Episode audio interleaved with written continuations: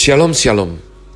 Selamat hari Sabtu 21 Agustus 2021 Kembali jumpa bersama saya Pendeta Kaleb Hofer Bintor dalam anugerahnya.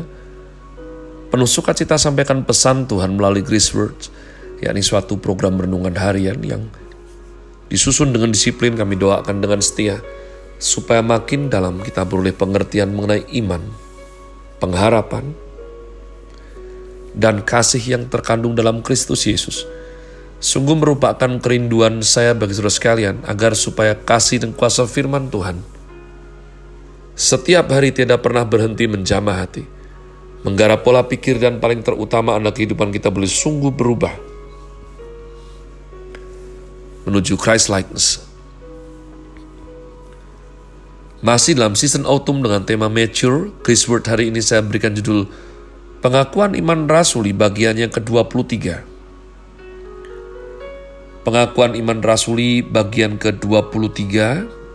Mari saya ajak untuk tidak jemu-jemu. Kita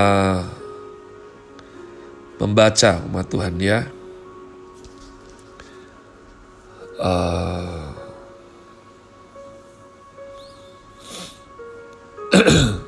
Saya minta waktu sebentar sebab baru kali ini dikarenakan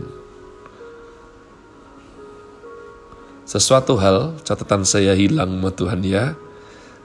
Tapi it's okay ini menjadikan real bahwa memang Grace Words ini organik disusunnya. Aku percaya kepada Allah, Bapa yang Maha Kuasa, Kalik langit dan bumi Aku percaya kepada Yesus Kristus anaknya yang tunggal Tuhan kita, yang dikandung dari roh kudus lahir dari anak darah Maria, yang menderita sengsara di bawah pemerintahan Pontius Pilatus, disalibkan, mati dan dikuburkan, turun dalam kerajaan maut, pada hari yang ketiga bangkit pula dari antara orang mati, naik ke sorga, duduk di sebelah kanan Allah, Bapa yang Maha Kuasa dan dari sana ia akan datang untuk menghakimi orang yang hidup dan yang mati. Aku percaya kepada Roh Kudus, gereja yang kudus dan am, persekutuan orang kudus, pengampunan dosa, kebangkitan orang mati, dan hidup yang kekal. Amen. Kemarin sudah saya sampaikan betapa keunikan butir pertama Pengakuan iman rasuli mengenai Allah Bapa yang ada tiga frase di dalamnya. Dan nanti di akhir mengenai roh kudus, satu frase. Frase terbesar adalah mengenai Tuhan Yesus, 13 frase. Dalam seluruh butir kedua tentang kristologi ada keunikan dibandingkan butir-butir lain. Butir kedua adalah satu-satunya yang berbicara tentang peristiwa yang terjadi dalam sejarah dalam sejarah di saat dan tempat tertentu. Ia harus dilahirkan dan harus disalibkan. Jadi kelahiran Kristus bukan khayalan, rekayasa manusia, bukan. Bukan awang-awangan, ya bahasa Jawa bilang bukan. Tetapi nyata dalam sejarah, bersangkut dengan manusia yang ada dan hidup dalam sejarah. Maka ini adalah suatu konfesi yang khusus tentang tempat, waktu, dan keberadaan dalam sejarah. Maaf, berbeda dengan semua agama lain.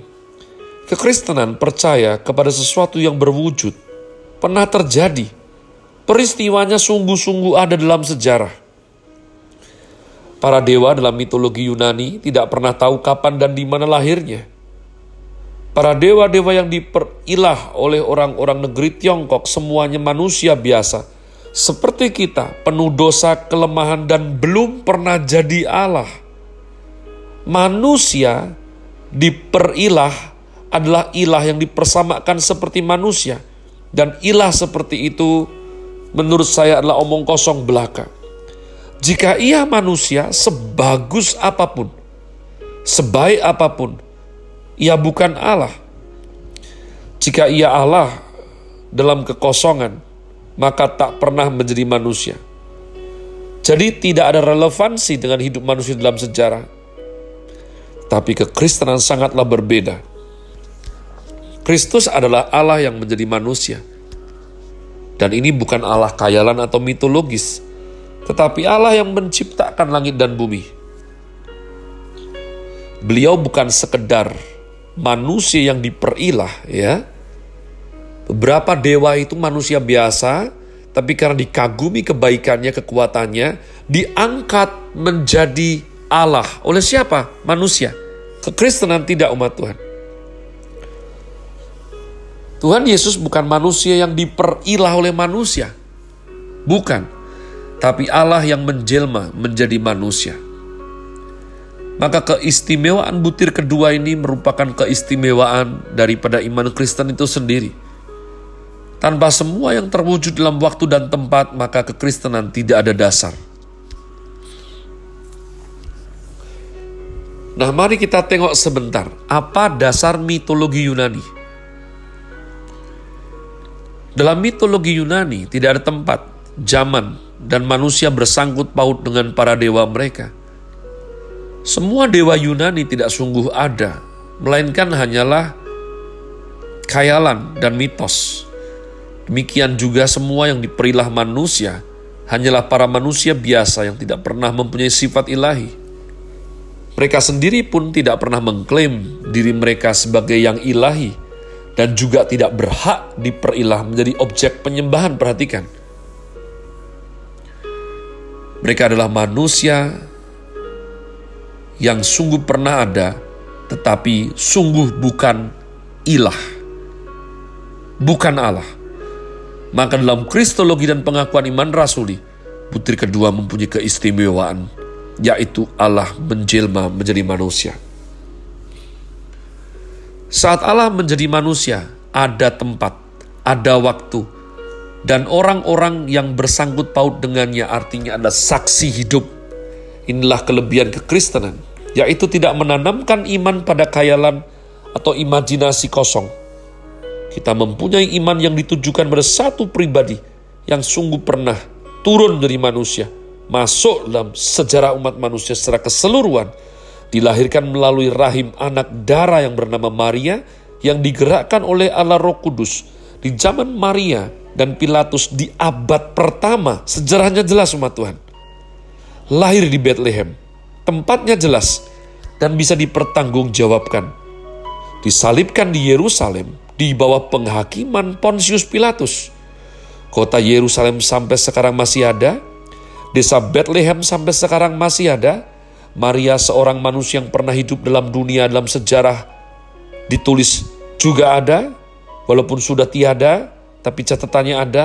Pontius Pilatus orang dalam sejarah tercatat sebagai gubernur yang dikirim ke Kaisaran Romawi.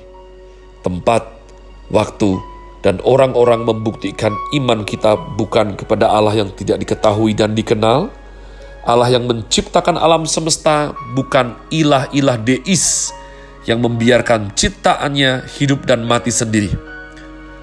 Membiarkan dunia berputar menuruti hukum alam sematinya, bukan.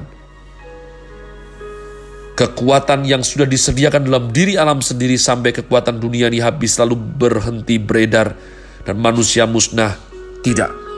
Tuhan punya solusi. Tuhan punya jalan keluar Tuhan punya jalan kehidupan untuk barang siapa percaya kepada Dia. Dalam kekristenan, Allah menciptakan dunia dan tidak membiarkan dunia hidup dan mati sendiri.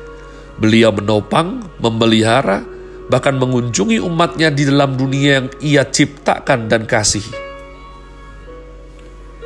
Menyebut Yesus sebagai Tuhan sebenarnya dilarang dilakukan mereka yang ada dalam kekaisaran Romawi – karena Romawi menetapkan konstitusi bahwa kaisarlah pemilik dan Tuhan atas setiap warganya.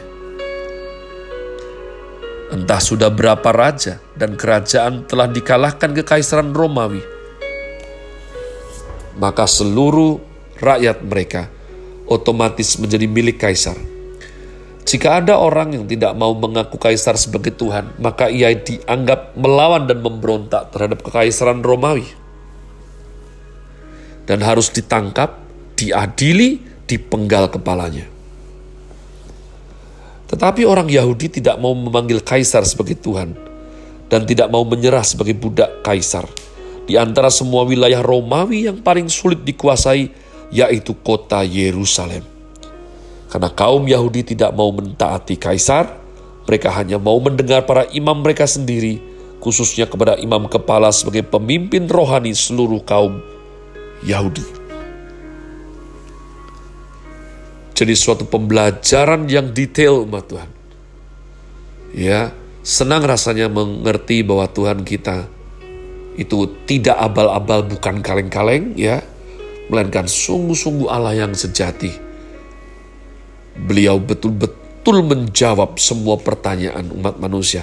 Kalau kebetulan engkau mendengarkan Grace Words ini dan engkau belum percaya, atau engkau pendengar setia Grace Words ketika mendengarkan hari ini kau punya teman yang kurang percaya, Ya, mana ada jawaban? Aku tanya-tanya enggak dijawab-jawab. Kau harus katakan, kalau kamu tidak masuk dengan cara yang betul, bagaimana jawaban bisa sampai padamu? Tidak seorang pun seenaknya saja tanpa jalur perhatikan, tanpa jalan yang jelas Lalu bisa tanya apa pun kepada Pak Jokowi dan serta-merta mendapatkan jawabannya. Harus ada Kingdom Channel. Ya, Kingdom Network. Harus satu frekuensi. Kau pasti dapat jawaban daripada dia. Have a nice day. Tuhan Yesus memberkati saudara sekalian. Sola. Grazie.